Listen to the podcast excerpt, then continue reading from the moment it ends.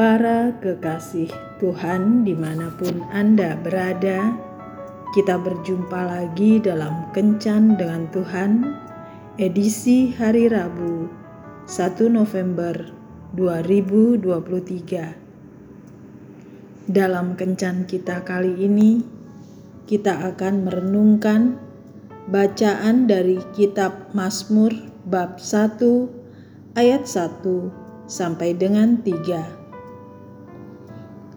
Berbahagialah orang yang tidak berjalan menurut nasihat orang fasik, yang tidak berdiri di jalan orang berdosa, dan yang tidak duduk dalam kumpulan pencemooh. Tetapi yang kesukaannya ialah Taurat Tuhan, dan yang merenungkan Taurat itu siang dan malam. Ia seperti pohon yang ditanam di tepi aliran air, yang menghasilkan buahnya pada musimnya, dan yang tidak layu daunnya. Apa saja yang diperbuatnya berhasil. Bapak, ibu, dan saudara-saudara yang dikasihi Tuhan, ada seseorang yang memiliki pengalaman menarik bersama tanaman di pekarangan tempat tinggalnya. Sudah tiga bulan lebih, ia tidak menengok kebun mini yang ada di pekarangan rumahnya tersebut. Itu terjadi karena kesibukan sekaligus rasa malas yang ada di dalam dirinya. Namun suatu saat hatinya pun tergerak menengok keluar jendela untuk melihat keadaan tanaman tersebut. Kasihan, itulah satu kata yang tepat menggambarkan keadaan tanaman tersebut saat itu. Tampak di matanya, hampir semua tanaman itu bukan lagi layu, tetapi kering dan telah menguning. Tanah-tanah di dalam pot-pot pun tidak lagi gembur, melainkan kering berkotak-kotak. Sambil menghela nafas, ia bergumam di dalam hati. Sepertinya tidak ada harapan. Saat itu kebetulan ia memiliki waktu luang. Ia pun mengambil perkakas untuk membersihkan sekaligus membenahi pekarangan itu menjadi lebih baik. Satu persatu dari tanaman itu mulai diperiksa kondisinya. Ternyata keadaannya cukup melegakan karena tidak semua dari tanaman itu mati. Lebih banyak di antaranya dalam kondisi hampir mati. Ia pun membongkar tanaman itu satu persatu keluar dari dalam potnya. Ia mulai membersihkan tanaman itu dari daun-daun dan ranting-ranting kering, serta rumput liar.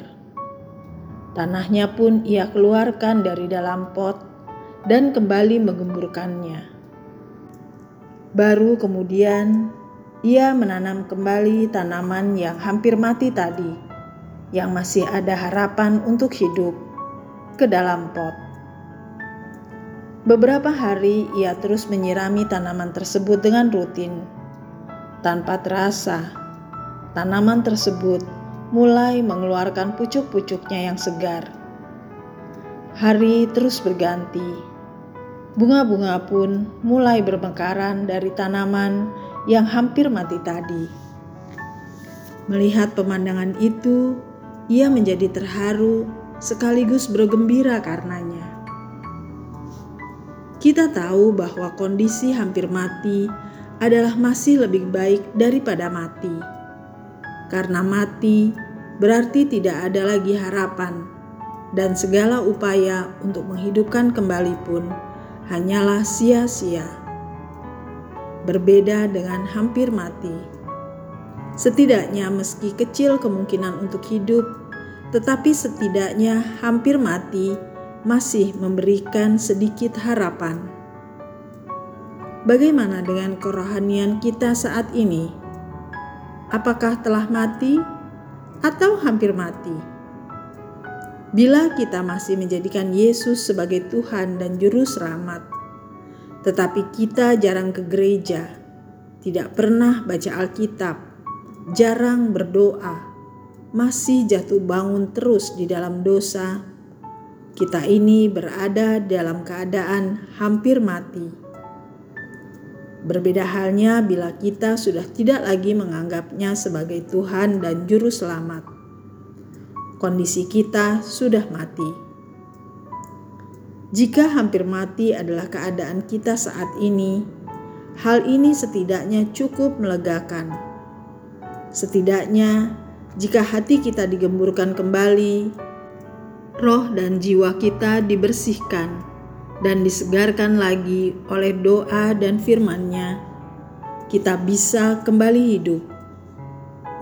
Untuk itu, segera mintalah Tuhan untuk membenahinya, menyiraminya, dan merawatnya kembali, sehingga kita kembali hidup, menjadi indah, dan siap memberkati banyak orang.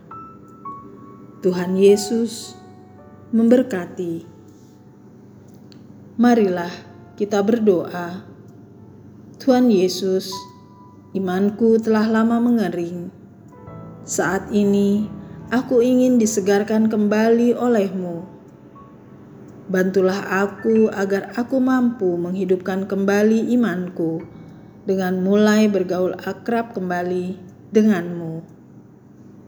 Amin.